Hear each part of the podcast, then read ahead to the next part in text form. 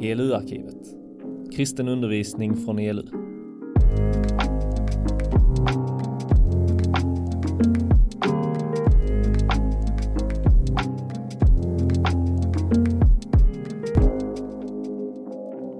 Nu för tiden så är det ju sjukt populärt att eh, resa. För inte så länge sedan skaffade jag TikTok för jag kände, jag fattade inte grejen med att de, ni vet den här rösten de har på TikTok, att de läser in, eh, alltså det är en sån elektronisk röst som läser in. Jag fattar inte det. Så jag tänkte, okej okay, jag är så off, jag måste skaffa TikTok. Men så när jag liksom gick in på TikTok och började fatta grejen så märkte jag också att eh, det är så sjukt mycket just det här med resa liksom. Oh, Goalsresorna eh, som man vill åka till, kristallklart vatten, fina berg och så vidare.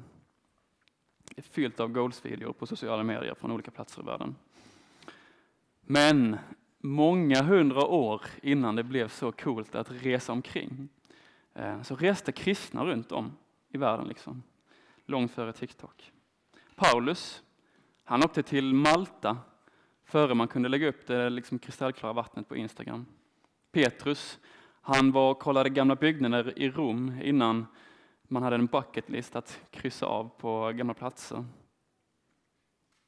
Men så finns det faktiskt en ganska så avgörande skillnad mellan den typen av resor och resor som vi ofta gör idag, som jag har tänkt på.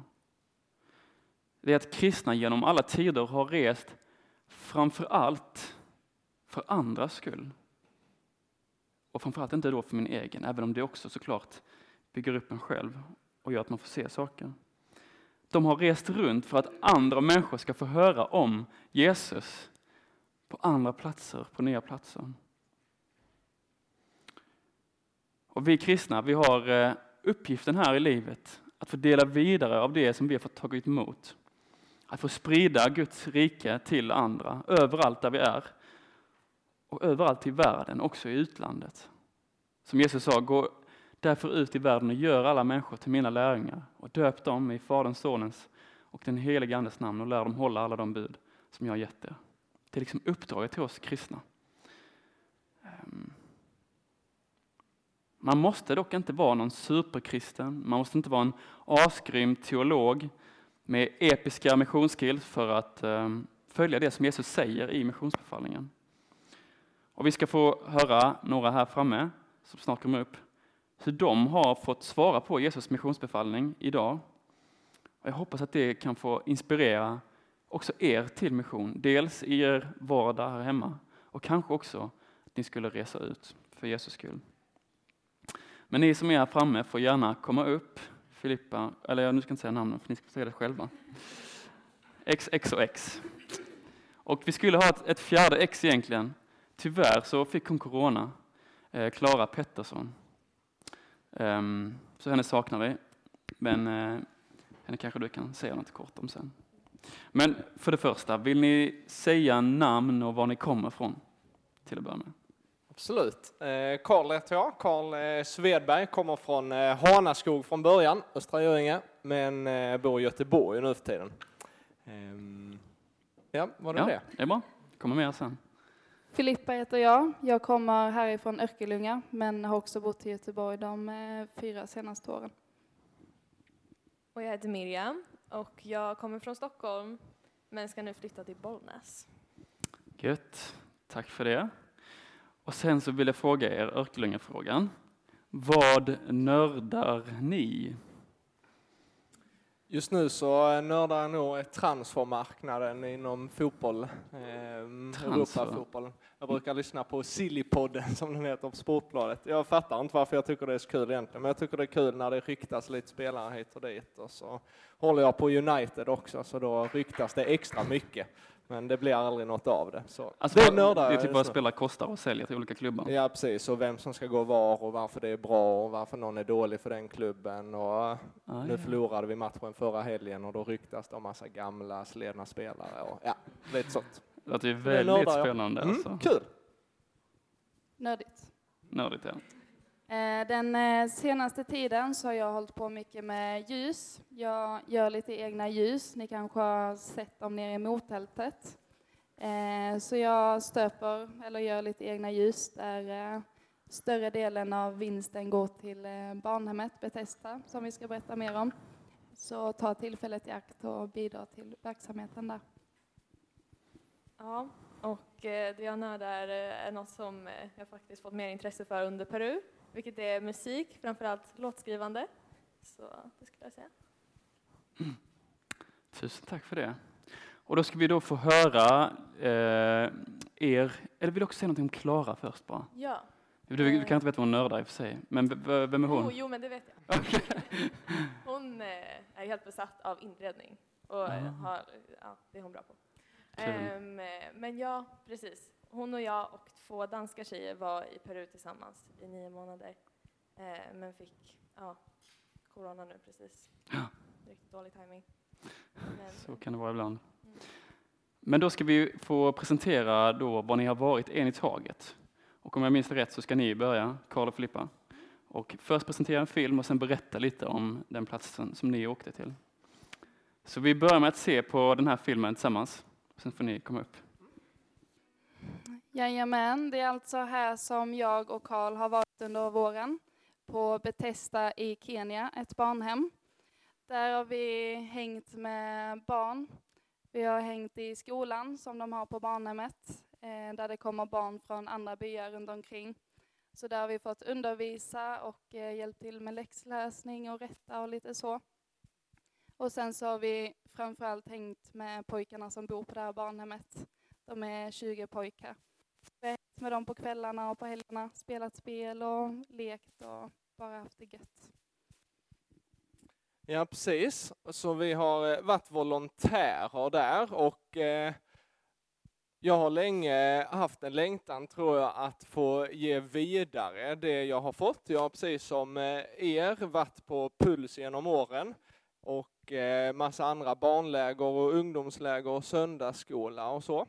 Både det och haft en väldigt fin uppväxt eh, hemma hos min familj i, i Hanaskog och med vänner och så där och känt en väldigt tacksamhet över det när jag blivit äldre och känt att jag vill, vill ge vidare av den kärleken, både från min familj och det jag har fått från, från Gud och i, i våra sammanhang och få ge vidare det till andra eh, och visa på, på den kärleken. Så jag tror det är det som liksom har drivit mig till att vilja vara volontär. Och vi är gifta, eh, så när vi gifte oss eh, för tre år sedan så minns jag, vi kan börja prata lite innan det också, men framförallt då så började vi prata, prata mer om det, att hade det inte varit häftigt och kul att få åka ut och göra det här tillsammans. Mm. Och eh, jag älskar barn och såg det som en väldigt bra möjlighet att åka till som volontär. För där handlar volontärskapet mycket om att hänga med barn och lära känna barn och ta hand om dem. Eh, men också att få utveckla de gåvor som Gud har gett mig och få sprida vidare hans kärlek. Och vi har fått eh, lära oss eh, supermycket under våren, så du kan få scrolla fram till det till och med, så skippar vi oss Rakel. Du kan, ja, du kan skippa dem så tar vi istället eh, fem stycken lärdomar som vi hade velat eh, berätta för om och inbakat i det så blir det också lite berättelser från, eh, från Kenya och vår tid där. Vill du ta den första? Så lärdom nummer ett är att det blir inte alltid som man har tänkt. Det här är en bild från ett ställe som heter Chesinende. Där var vi några dagar, en gammal missionsstation. Eh, och det här är en väldigt grusig och skumpig väg. Det kan vara ganska jobbigt i stunden att komma fram till målet, men eh, under resans gång så får man se och uppleva en hel del. Och eh, likadant har det skumpat för oss ibland och inte riktigt blivit som vi har tänkt, men målet har varit värt. Och det började egentligen när vi skulle resa ner. Vi reste ner i januari eh, till Kenya och var där fyra månader sedan. Och på den tiden tänkte jag säga, skulle man ta PCR-test och sånt. Och det strulade rejält. Vi tog till och med ett test innan för att vara säkra på inför det riktiga testet att det skulle fungera. På liksom förtestet då så var båda negativa. Sen skulle vi resa på lördagen så då tog vi det riktiga testet på torsdagen. Och då var jag, eh, fastän jag hade varit sjuk, båda hade varit sjuka i corona då, och jag hade varit sjukast egentligen. Ehm, men jag blev negativ, men Filippa blev positiv då bara två dagar innan, så då rasade ganska mycket för oss att kommer vi inte iväg nu som vi hade tänkt ändå. Så gjorde vi ändå ett sista försök och körde till Helsingborg eh, dagen efter och tänkte ju då att vi kommer inte komma iväg på lördag, men där sent på fredag natten efter midnatt, eller precis innan midnatt, så fick du också ett negativt eh, Eh, besked. Så då kom vi ändå iväg som vi skulle. Men det var väldigt mycket fram och tillbaks redan där innan vi skulle resa ner helt enkelt. Och eh, vår tanke när vi har varit där har varit att hjälpa till så mycket som möjligt. Eh, och som jag sa innan så har vi fått hjälpa till mycket i skolan. Vi har gjort läxläsning med pojkarna och vi har hållit i aktiviteter på helgerna. Tyvärr så har de eh, sett oss mycket som gäster, vilket har gjort att personalen inte alltid har frågat oss om att hjälpa till. Så vi har ofta fått fråga om vi kan göra någonting. Eh, ja, snarare än att de har frågat om vi kan göra en specifik grej. Ehm, de gör det av omtanke för oss, men det har blivit en liten krock för oss som ville ge järnet när vi väl var där. Vi var ju där bara en begränsad tid. En annan sak som inte blev riktigt som vi hade tänkt oss är att vi har varit eh, sjuka en del. Vi var beredda på att vara lite eh, kassa i magen. Ofta blir det så för er som har varit utomlands och kanske framförallt ännu längre bort som Kenya eller Peru eller så, att det finns andra bakterier, floror och så. Eh, så vi var beredda på att vara lite kassa i magen, men vi har haft eh, amöba, eh, hade Filippa en sväng. Vi hade malaria båda två, några dagar också, och eh, lite matförgiftning. Ni behöver inte bli eh, rädda för det, det löste sig. Det finns väldigt bra sjukvård eh, där också. Så, men det har ändå varit tufft i stunden liksom, med de grejerna, framförallt när vi fick malaria-beskedet det, hemma i Sverige tänker man att det är en farlig sjukdom och det är ju, det är ju delvis också, men får man rätt behandling snabbt så, så är det lugnt. Ehm, så det har varit jobbigt, men vi tycker ändå inte det har förstört vårt helhetsintryck av resan, liksom, utan det hör lite till också. Den eh, andra lärdomen, om vi byter till nästa bild, är att vi eh, är väldigt privilegierade i Sverige, har vi insett. Det här är två personer som vi lärde känna. Det är pastor Langat som är här i ehm, fokus längst fram. Han var vår eh, handledare och sen så är det Mr eh, Paul eller eh, Kirui i bakgrunden. Så de är två personer som vi har fått lära känna och vi vill berätta lite om dem. Precis, och vi hade förmånen att bo hemma hos Langat under en resa på landsbygden med honom. Det var väldigt eh, fint och väldigt kul att få dela vardagen med en kenyansk familj, få vara med i deras rutiner. Men eh, vi fick också inse hur enkelt många lever i det landet. De har utedass, eh, det är inte många som har någon dusch och de hämtar vatten ganska långt iväg, någon kilometer iväg till och med. Eh, och många sover tillsammans i samma rum. Men de är ändå så och de fick verkligen oss att känna oss som hemma när vi hälsade på dem. Ehm, en annan grej var att duschen var kall varannan morgon. Vi bodde i ett gästhus på barnhemmet. Eh, vi hade ändå en dusch, men eh, den fungerade inte alltid. Så det är lätt att ta rinnande varmvatten för givet. Men det gör vi inte längre. Eh, ja, den andra personen, vi kan gå till nästa bild då, är alltså eh, Kirui. Och jag eh, minns en morgon när jag gick ut från vårt gästhus som vi bodde i på barnhemmet då, så stod han eh, och rakade sig. Han rakade sig med en rakhyvel, men inte en sån här fin Gillette Fusion Pro, utan det var någon eh, liksom enkel eh, engångshyvel. Och så pratade vi lite om det och så berättade jag att ja, men jag har, jag kan inte säga Gillette Fusion Pro, men jag har dem, den här grejen så har jag en liten raktrimmer och så också. Ehm, och han sa det att en, en rakapparat, det kan jag bara drömma om att köpa. Det finns inte ens på, på kartan att tänka den tanken, liksom, för det, det är för mycket pengar att lägga på något sånt. Och då fick man inse att ja, men jag är ganska privilegierad som tar det för givet att kunna köpa en, en trimmer. Likadant, jag minns en av de första kvällarna vi var där. Jag satt ute och snackade med några av, av grabbarna på barnhemmet, några av de äldre som är i 15-16 års åldern. Och så eh, var de nyfikna, som de ofta är, de älskar mat, så de var nyfikna på vad vi åt i Sverige. Och så sa jag, men vi äter ändå pizza lite då och då. Och då var också reaktionen på det, liksom att pizza, nej det, det finns inte heller på kartan att tänka och köpa. Eh, det är för dyrt, det är för mycket pengar att, att lägga på mat. Eh, och så äter vi det kanske inte varje helg hemma i Sverige, men det är inte helt ovanligt att svenskar äter pizza en fredagkväll. Så eh, man har fått inse en del sånt och det väcker mycket tankar och känslor och jag vet egentligen inte om vi inser hur gott ställt vi har det. Alltså vi är en väldigt liten privilegierad del av världen och egentligen i världshistorien också. Är vi egentligen tacksamma till Gud över det? Jag är inte säker på att vi är mycket lyckligare över just de materialistiska sakerna. Vi har fått inse det också när vi har rest runt i Kenya, att det viktiga är relationer och familj och vänner. Eh, de som man har sett saknar det eh, har man märkt att där är det tufft, men lever man i fattigdomen, har liksom det nätet runt omkring sig, eh, så fungerar livet ändå bra. Ehm, mm. Det är lite nya insikter.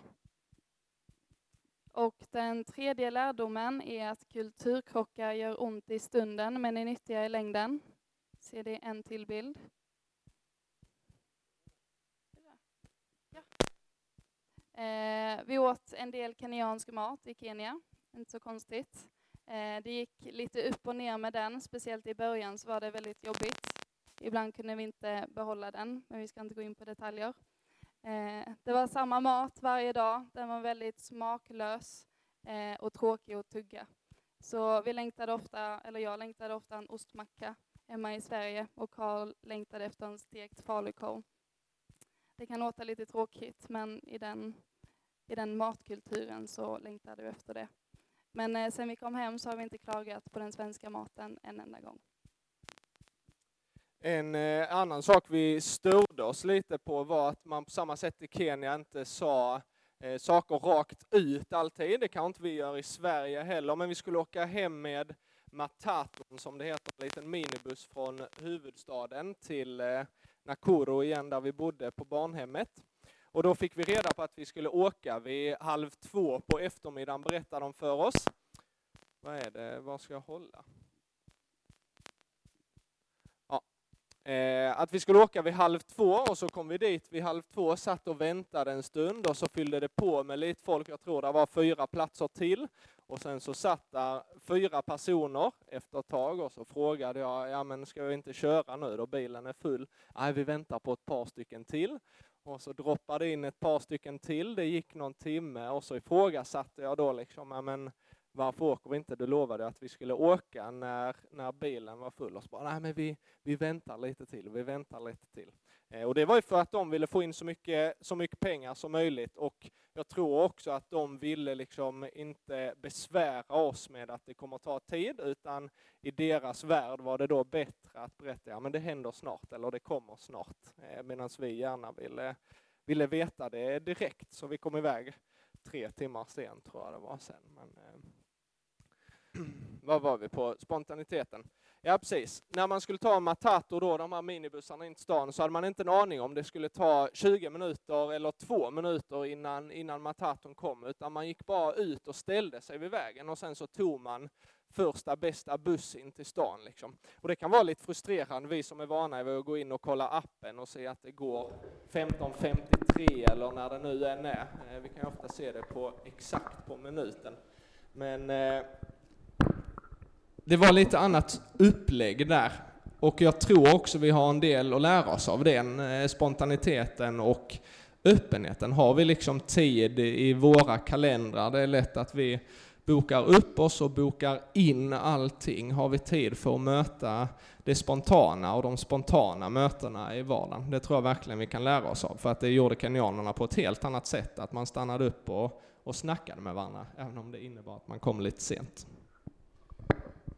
Och den här spontaniteten kände vi, eller upplevde vi på ett, ett annat tillfälle, på skolavslutningen på Betesta, på barnhemmet. Eh, vi hade ändå varit i landet en tid då och visste att det förväntades att vi skulle göra någonting, hålla tal eller sjunga en sång eller vad som helst. Så då ville vi ändå vara ute i god tid. Så vi frågade personalen eller rektorn en vecka innan skolavslutningen vad som förväntades av oss. Och då så fick jag svaret tillbaka att nej men ni behöver inte göra något, det förväntas inget av er. Så då släppte vi det, vi litade ändå på det. Men eh, väl på skolavslutningsdagen så fick vi, jag delade ut lite betyg, Karl fick dela ut diplom och skaka föräldrarna i hand. Och eh, sen så skulle vi hålla ett tal för alla barn och lärare och föräldrar med. Och de sparade till och med vårt tal i slutet eftersom de såg oss som huvudgäster på skolavslutningen. Eh, det är inga problem egentligen. Vi visste att det här förväntades, men vi hade kunnat göra det så mycket bättre om vi hade fått lite tid till att förbereda. Men eh, det är nyttigt att träna sig att lösa saker lite på halvvolley. En eh, fjärde eh, vad heter det, lärdom vi har tagit med oss är att omtanke och eh, kärlek verkligen gör eh, skillnad, framförallt eh, i barns liv. Och här har vi några av våra kompisar, det är lilla Pita i mitten där. Vi har eh, Bajan, han tappade sin sko i utedasset en gång. Och så har vi John och Samuel och Mark och Emanuel. Ehm, mm. Precis. Ibland så har vi känt att vi inte har gjort så mycket skillnad för de här pojkarna. Vi har haft ett väldigt tydligt schema under veckorna att utgå ifrån, eh, just för att kunna slappna av lite mer i våra roller. Men oavsett hur mycket eller lite vi har gjort så har vi ofta känt att vi borde göra mer, eller vad kan vi göra mer? Men det är väl framförallt i slutet av resan som vi har fått landa i och inse mer att vi har gjort skillnad för pojkarna. Eh, och att vi inte har behövt göra så mycket för den här skillnaden. Då, ja, vi har inte behövt göra så mycket för att få dem på bra humör. Liksom. På kvällarna så har vi spelat lite Uno, hjälpt dem med läxor.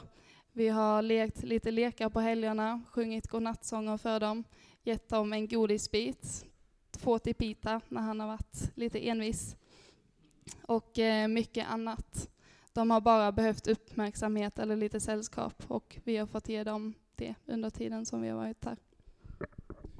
Och sen vi kom hem så har vi fått inse det ännu mer också, att det har nog fått, fått betyda något att vi har fått vara extra föräldrar eller extra syskon för dem, även om det har varit under en kortare tid. Men det blir också en oro för framtiden. Det är som jag nämnde innan superviktigt med vad man har för relationer. När de är tillräckligt gamla så flyttar de ut från barnhemmet och ska komma hem igen. Och då är det helt avgörande vad man har för föräldrar eller fastrar eller mostrar eller kusiner eller annat som kan ta hand om en.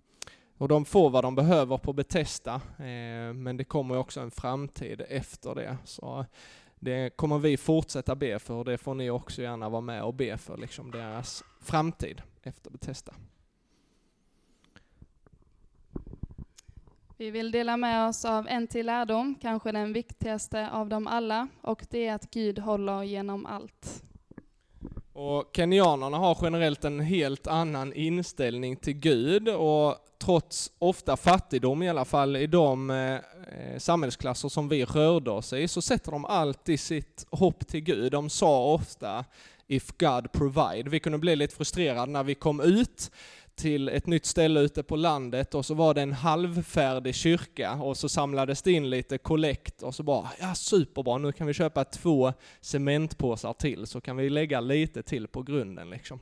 Men de kör mycket mer på det, att det är God som provides, alltså det är Gud som förser oss, att vi litar på att han vill att vi ska bygga en kyrka till, ja då får det ta sin tid, men det är han som förser. Och likadant är det när man planerar för studier och jobb och familj och med barn. Det ligger liksom i Guds hand, att om Gud förser och det är Guds plan. Mm. Tror vi kan bli bättre på det. Ja, vi har verkligen eh, ropat till honom i prövningen och han har svarat oss varje gång. Under perioder så har vi varit ganska ledsna och uppgivna Speciellt i början när allt var nytt och när vi inte har mått bra. Eh, och det enda som har hjälpt har varit vår bön till Gud. När jag var sjuk den senaste gången, jag fick amöba några veckor innan vi skulle åka hem, så hjälpte inte medicinen som tänkt och det var tunga nätter på toan, mycket spring. Eh, Och efter ännu ett sjukhusbesök då så skrev Karl ett, ett blogginlägg. Eh, och efter det så var det många vänner och familj som hörde av sig och sa att de bad för oss och för mig. Och vi kände oss verkligen burna i bön det dygnet. Jag sov hela natten och mådde bra dagen efter det. Eh, så det var verkligen ett bönesvar. Det har varit en prövning emellanåt att vara hemifrån, men vi har lärt oss en hel del eh, ja, men saker och perspektiv som vi kommer med oss hela livet. Och vi har fått inse att precis som vi som gift par står med varandra genom glädje och sorg, eh, på ett ännu djupare plan så står Jesus vid vår sida genom allt.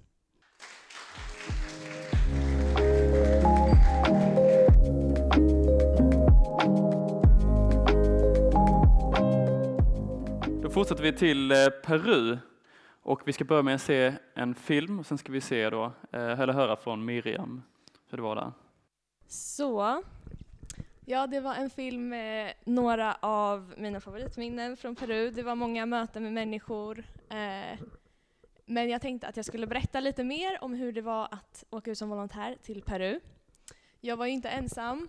Som sagt skulle Klara vara här idag, men det var även två danska volontärer som åkte med. Eh, och vi kan eh, byta slide redan. Ja. Eh, den, eh, en av de första frågorna man kan ställa sig är kanske varför man vill åka ut som volontär. Och för mig var det så att jag hade faktiskt gjort en kort volontärresa en gång in, innan i mitt liv. Den var tre veckor lång. Och det som jag tyckte var så härligt med den var att man fick göra någonting för andra. Man fick bli inkluderad i en kultur. Eh, man fick utvecklas själv och göra det tillsammans med andra. Och samtidigt att det var en utmaning. Eh, det jag gjorde då var att vi lärde ut engelska och det gick inte riktigt ihop med min självbild. Men sen så tar man sig igenom det och eh, växer från det. Så jag hade redan idén att jag ville göra något liknande och sen var det så att eh, det var faktiskt några ungdomsledare från Peru, eh, från det här stället, som kom på middag hos min moster. Och så träffade jag dem där och så träffade jag också Rakel. Eh, och hade lite samtal med dem om att man kan åka ut som volontär. Eh, och så sa jag lite på skämtat, halvskämt att ja, vi kanske ses någon gång. Men sen två år senare så tog jag studenten och eh, bit, pusselbitarna föll liksom på plats. Eh, jag hade fortfarande den här längtan att eh, åka utomlands, åka ut som volontär och jag kände också att jag ville utvecklas i min tro eh, och lära mig spanska. Så jag åkte iväg eh, med de här tjejerna och eh, resten är historia. ehm, och den andra frågan, jag har ju, vi har ju stått här i modtältet de här dagarna och eh, träffat några av er och då efter den första frågan, vad gör man som volontär? Vilket är en väldigt relevant fråga. Eh, och mycket handlar om verksamheter. Vi åkte till Chiclayo, en stad i norra Peru, och där finns det tre lutheranska kyrkor som vi var med i. Och om vi tar till exempel en, San Antonio, som man kan se till exempel, här har vi San Antonio, där uppe i hörnet det är också San Antonio. Eh, så är det ungefär 60 medlemmar i kyrkan, men ändå så har de ungdomsgrupp, tonårsgrupp, kvinnogrupp, eh, skola, söndagsskola, eh, kanske gudstjänster. Så att de har väldigt mycket verksamheter och är väldigt aktiva eh, och har många engagerade ledare som, även fast det kanske inte lönar sig så mycket ekonomiskt och tidsmässigt för dem, så är de väldigt engagerade i kyrkan. Och som volontär så får man då vara med i allt det här och eh, hjälpa till och stötta på olika sätt. Eh, så till exempel så kunde man eh, på en barnsamling få leda i några sånger eh, eller hålla en lek på ungdomsgruppen. Eh, vi hade lite engelskundervisning, så lite sånt. Och sen så var det också eh, en missionärsfamilj, familjen Unosson, som bor där. Så där hade vi även lite barnpassning och undervisning till dem. Ja. Yeah. Jag ska också gå vidare till att säga några lärdomar som jag har fått med mig av den här tiden i Peru.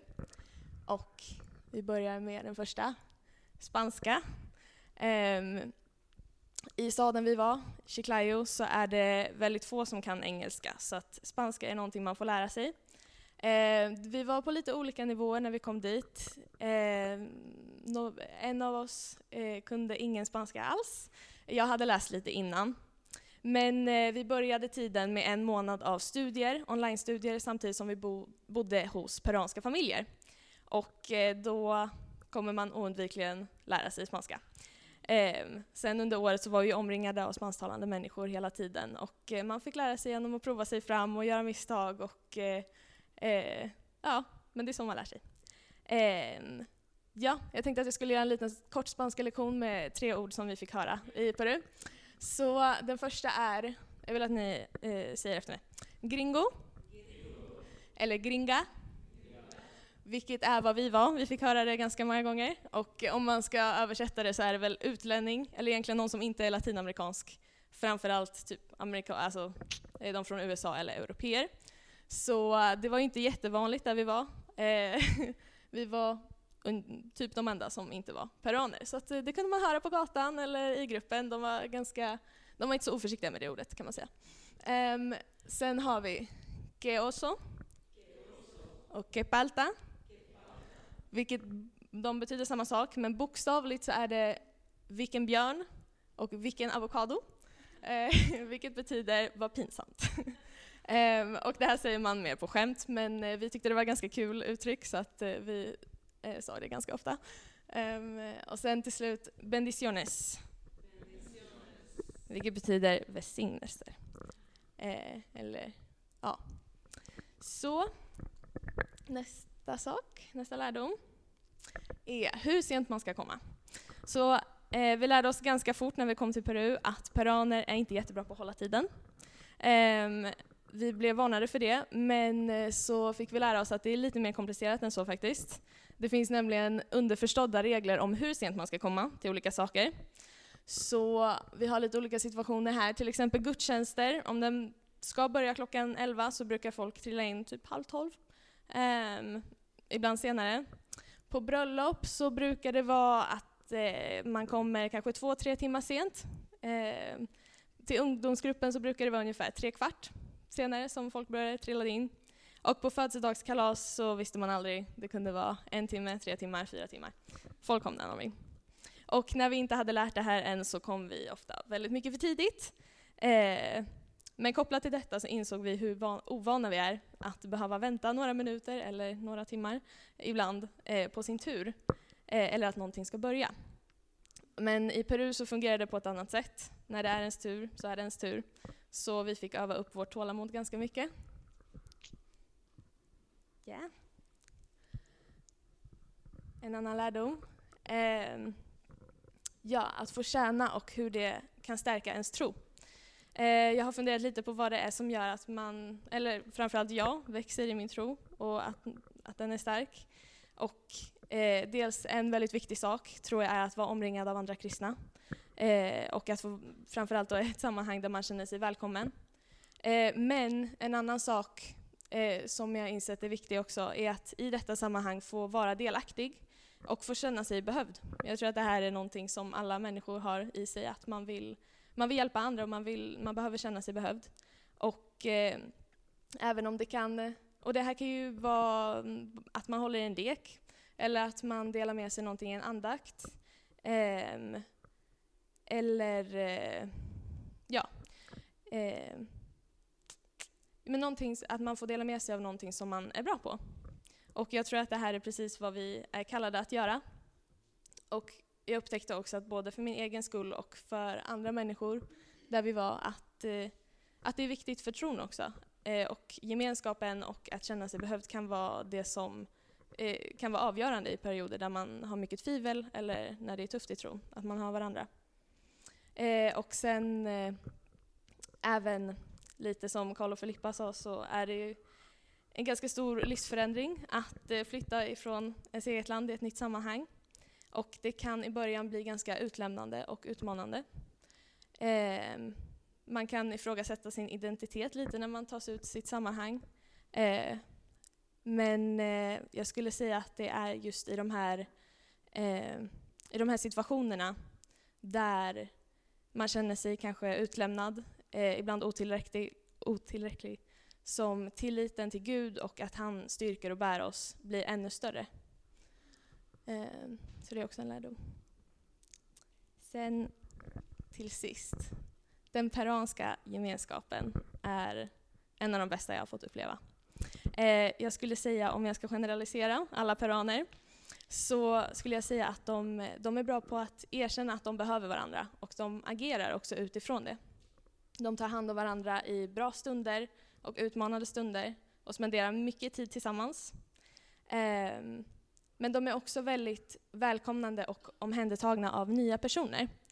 Eh, så vi kände oss eh, väldigt inbjudna i gemenskapen där. Eh, exempel på det är att eh, ni såg kanske i videon att det var några bröllop.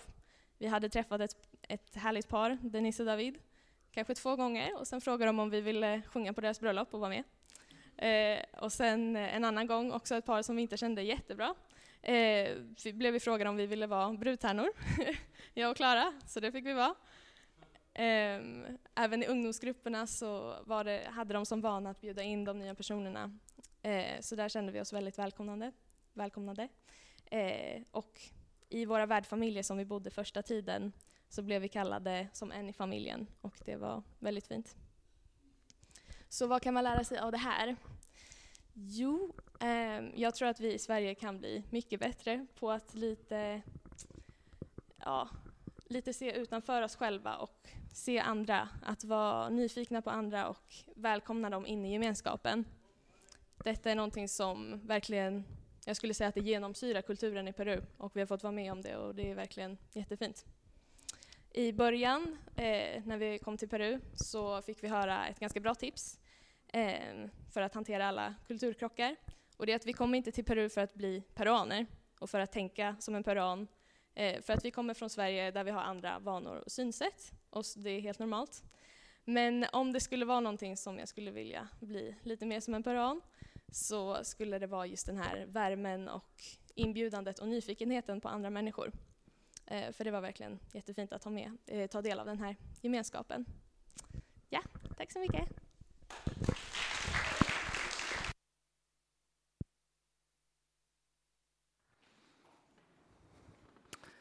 Tusen tack eh, Miriam. Nu får ni faktiskt gärna komma upp allesammans och så ska vi snacka lite grann om era resor. Ehm, i ungefär en kvart till tänker jag att vi kör. Um, och först ska vi börja med lite mer så kallade andliga frågor och sen kommer vi i slutet gå in lite mer praktiskt. Um, men låt mig börja med att fråga er, och frågan räcker liksom till er alla, och den som känner sig manad får gärna svara på det.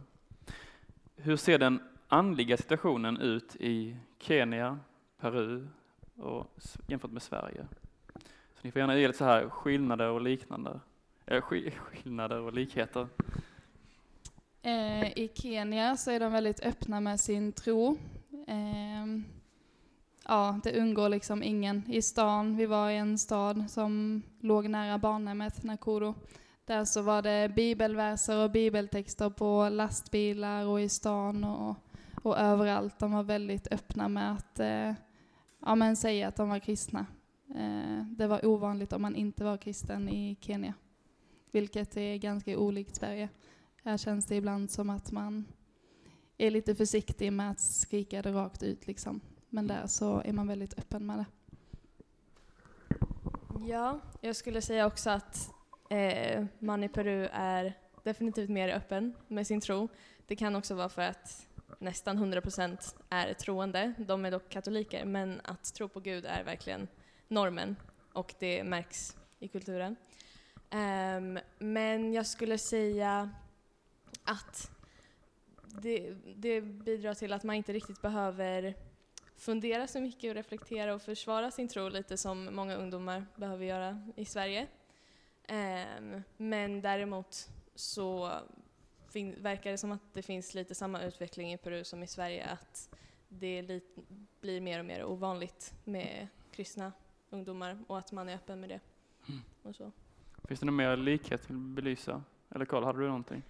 Jag tänkte säga en olikhet. Får jag... Ja, men kör på det. Eh, nej men det, i Sverige så är det ofta att man frågar, är du troende eller inte? Eller att vi kategoriserar oss på det sättet kanske. Medan i Kenya så var det snarare vad eh, man trodde på. Eh, större delen av landet är kristet, men ut med kusten så är det mer islam eller mer muslimskt. Och där var det, det visade sig så tydligt också att i skolan, i de kristna områdena, så undervisade man inte i religion, det tyckte de var jättekonstigt att vi gjorde, utan det var bara i kristendom. Eh, och likadant ut på kusten så undervisade man bara i islam då, så det präglar ju hela samhället på ett helt annat sätt som Filippa var inne på också. Mm. Lite med, vi nämnde det innan, att de har en lite annan tillit till Gud, men också en väldigt stor tacksamhet. Det var väldigt ofta, vi kunde tycka det var lite överdrivet i början, men personalen på barnhemmet åkte hem emellanåt, åkte hem till sina familjer när de inte bodde på barnhemmet.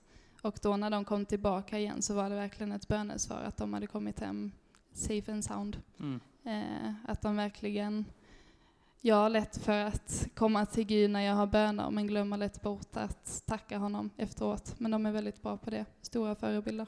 Mm. Hur är det att vara ung i Kenya och Peru jämfört med Sverige? Eh, ja, men, eh, det kan vara väldigt olika i Kenya. Lilla Pita som ni såg eh, innan när de hittade honom på gatan som han levde på antagligen så är han född av gatuföräldrar också eller vad man ska kalla så Hans föräldrar levde på gatan. Så frågade de honom var han bodde och då pekade han på en presenning en bit bort och sa att det är mitt hem eller det är mitt hus liksom. Eh, tänk det, en eh, liten treårig grabb som han var då och hans hus var presenningen på gatan.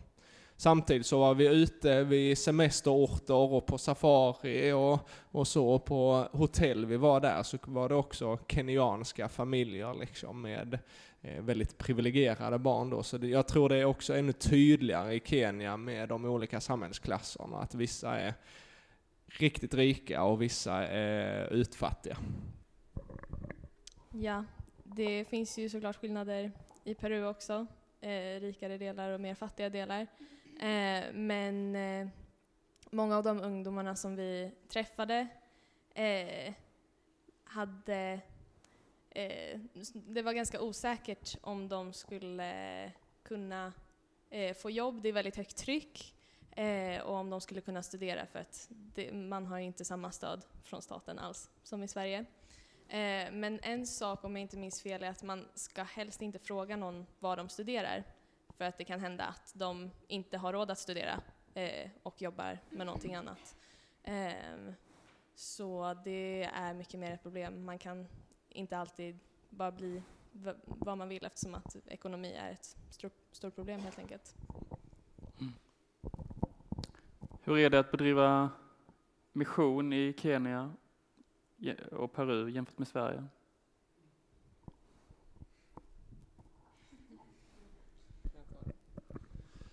Så när det började missioneras i Kenya, åtminstone från eh, ELMs håll, så var det mycket att man byggde eh, vårdcentraler och skolor och missionerade utifrån det med de missionsstationerna då, där man hade ja, med sjukvård och eh, skolgång och sen så hade man då kopplat till det liksom också med, med gudstjänst och så. Så det är väl så det har varit historiskt i i Kenya. Sättet vi fick missionera på tror jag är, som vi berättade innan, att vi fick vara extra föräldrar eller extra syskon för pojkarna på barnhemmet och, och barnen i skolan. Eh, som Många har trasiga familjer och missbrukande föräldrar eller mammor som är fast i prostitution eller annat och då när man är i den åldern mellan liksom 3-4 år upp till 14-15 år så behöver man bara någon som ser en och finns där för en och visar lite extra kärlek. Så på det sättet tror jag vi har fått visa Guds kärlek. Men eh, vi fick även dela lite vittnesbön, eller som vi sa innan så förväntades ofta om man gick på gudstjänst eller möten att man skulle dela något. Och då till en början så kände jag i alla fall att det var ganska höga krav och förväntningar. Eller så här, det blev väldigt spontant under gudstjänsten så bara, men Filippa, ska inte du dela något? Kom fram. Och så försökte man fundera på något, men man behöver liksom inte säga så mycket för att det ska göra skillnad. Eller så här bara, jag är tacksam för att Gud har varit med mig i livet och jag är tacksam för att jag mår bra. Det räcker liksom för dem så pojkarna blev framtvingade varje söndag att säga något. Så de som inte hade något, de bara Thank you for providing me this week, amen, eller något sånt. Så det var ofta det liksom standard om man inte kom på något annat. Ja, det var lite samma i Peru. Man kunde fråga en tvååring eh, och en femåring och de kunde gå upp och hålla ett jättefint tal eh, om sin tro och eh, kärlek eller vad som helst, för att det har de gjort sedan de var små. Mm. Eh, och det var väldigt imponerande tyckte jag. Ehm, men ehm, jo, missionsarbete.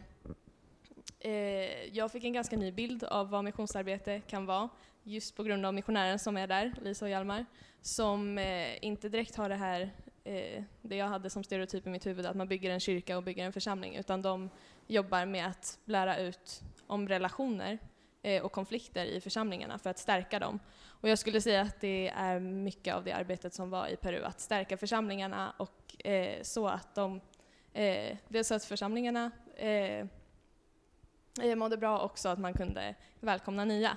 Eh, och lite mer konkret, någonting som vi gjorde var att vi var med i en eh, ungdomsgrupp som heter Coffee and Game. Eh, där vi spelade spel, drack inte så mycket kaffe, men ja, det var kul. Eh, och där hade vi då engelskundervisning och det lockade väldigt mycket studenter från universitetet. Och så fick de då också eh, vara med, kristna ungdomar och lyssna på andakt och få mer personer på så sätt. Mm. Mm. Till slut nu ska vi köra lite korta frågor där ni är liksom väldigt praktiskt, om någon sitter och tänker hur man gör detta, så får ni gärna svara här, lite kort och praktiskt. Um, för det första, vad kostar det att resa ut som ni har gjort? Nio månader, sex månader var det för er eller? Jag skulle säga noll kronor. Eller för oss, det är väldigt förmånligt att åka med Mo. Det är helt galet. Eh, det var lite osäkert hur vi skulle bli volontärer. Vi kollade med Rakel, men det var lite mörkt i Kenya när vi kollade första gången. Så då kollade vi lite andra alternativ, YMI om ni har hört om det, och via Röda Korset och lite sånt. Men där var det att man behövde betala under veckorna. Men eh, med Move så var det väldigt förmånligt. Vi gick ju den här ledarutbildningen, så då så får man CSN, bidrag och lån om man vill det. Och på det klarade vi oss i månaderna med mat och ja, det vi skulle betala. Och eh, sen betalade MOV resor, vaccinationer, boende. Vi får se om det kommer någon slutfaktura nu i och för sig. Men... Det var samma, samma, för er antar jag? Ja. ja gött. Hur länge reser man ut? Det spoilade jag lite grann innan men Ja precis, vi var ute fyra månader för att vi önskade det. Ehm, så vi var ute från januari till eh, maj. Det passade bra för oss i vår livssituation att vara ute en termin, så då kunde vi lösa det. Mm. Och åker man till Peru så vill ju Move helst att man är ute lite längre just för att det, det, är en liten startsträcka eftersom att man ska lära sig språket och komma in i, sitt, eh, i sammanhanget. Så nio månader eh, åkte vi ut. Mm. Hur funkade det där med Glimåkra som ni nämnde? Utbildningen där och CSN? Alltså, ja. Ja. Um, vi gick alltså parallellt med volontäråret en ledarutbildning på Glimåkra folkhögskola. Um, och är man volontär så hamnar, ja, det blir lite olika för vi hade olika tid. Eh, men vi hade fem kursveckor. Eh, så första kursveckan och sista kursveckan så var vi här på Strandhem. Och sen så hade vi digitalt de andra kursveckorna. Eh, och sen mellan, eh, och då var det undervisning om ledarskap, om lärjungaskap. Eh, väldigt bra grund. Eh, och mellan de veckorna så hade vi en lite större uppgift, en liten uppsats. Typ. Mm. Så det är ju egentligen eh, att gå en folkhögskoleutbildning och de, om ni har hört om de som är ungdomsledare här i Sverige, så har de praktik i kyrkor och församlingar runt om i framförallt Skåne väl och vi hade vår praktik i Kenya och ni hade er praktik i Peru. Så det är så upplägget är. Sista fråga, för jag tycker ni har svarat på de andra jag hade här. Men det måste man kunna massa teologi och massa om kristen tro, liksom har alla svaren och sådär. jag kan inte så mycket teologi, men jag åkte ut ändå. Gött. Jag kan lite mer, men jag åkte också. Nej, jag kan inte så mycket heller faktiskt. Eh, läst lite grann men, eh, i böcker och så, men inte mycket. Men jag, det är det som är gött också, att man får liksom utmanas och göra det på sin nivå utifrån från sina eh, gåvor också. Eh, jag fick testa på att predika eh, för att jag tyckte det var spännande att få, få göra. Eh, du fick hålla vittnesbörd och du fick vara i de yngre klasserna för att det tyckte du om och jag var i de äldre klasserna för att det tyckte jag om. Så det är flexibelt också. Man behöver, mm. inte, vara, man behöver inte vara teolog, nej. Ja. Och eh, jag var ganska ny till kristet ledarskap. Jag hade inte hållit en andakt innan första kursveckan. Eh, så ja, korta svaret nej, man behöver inte kunna massa teologi.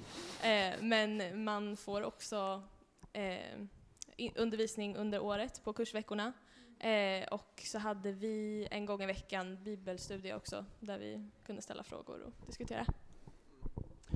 Och om ni kollar på oss tre eller oss fyra så är vi också i olika situationer i livet, delvis. Alla är kanske relativt unga, men jag och Filippa är gifta. Vi hade lägenhet och så som vi hyrde ut och det var en del praktiskt meck med sånt, men det fungerar också liksom. Och det, det vill jag uppmana er alla, oavsett vad ni är för livssituation, om ni snart kommer att ta studenten eller är äldre och är gifta eller i parrelationer eller singlar eller vad ni är, så går det liksom att eh, göra det. Eh, det är bara att göra det helt enkelt, eller ta tag i det. Så eh, det vill vi verkligen eh, uppmana till, för det ger, man får ge ut väldigt mycket och få väldigt mycket själv också. Kom till eh, mottältet ikväll om ni har fler frågor. Vi kommer att vara där och svara jättegärna på det och prata mer om det här. Ja. Sen ska jag säga att är man intresserad av, av att vara, åka ut som volontär så kan man hitta mer info på eh, Moves hemsida, let's-move.nu.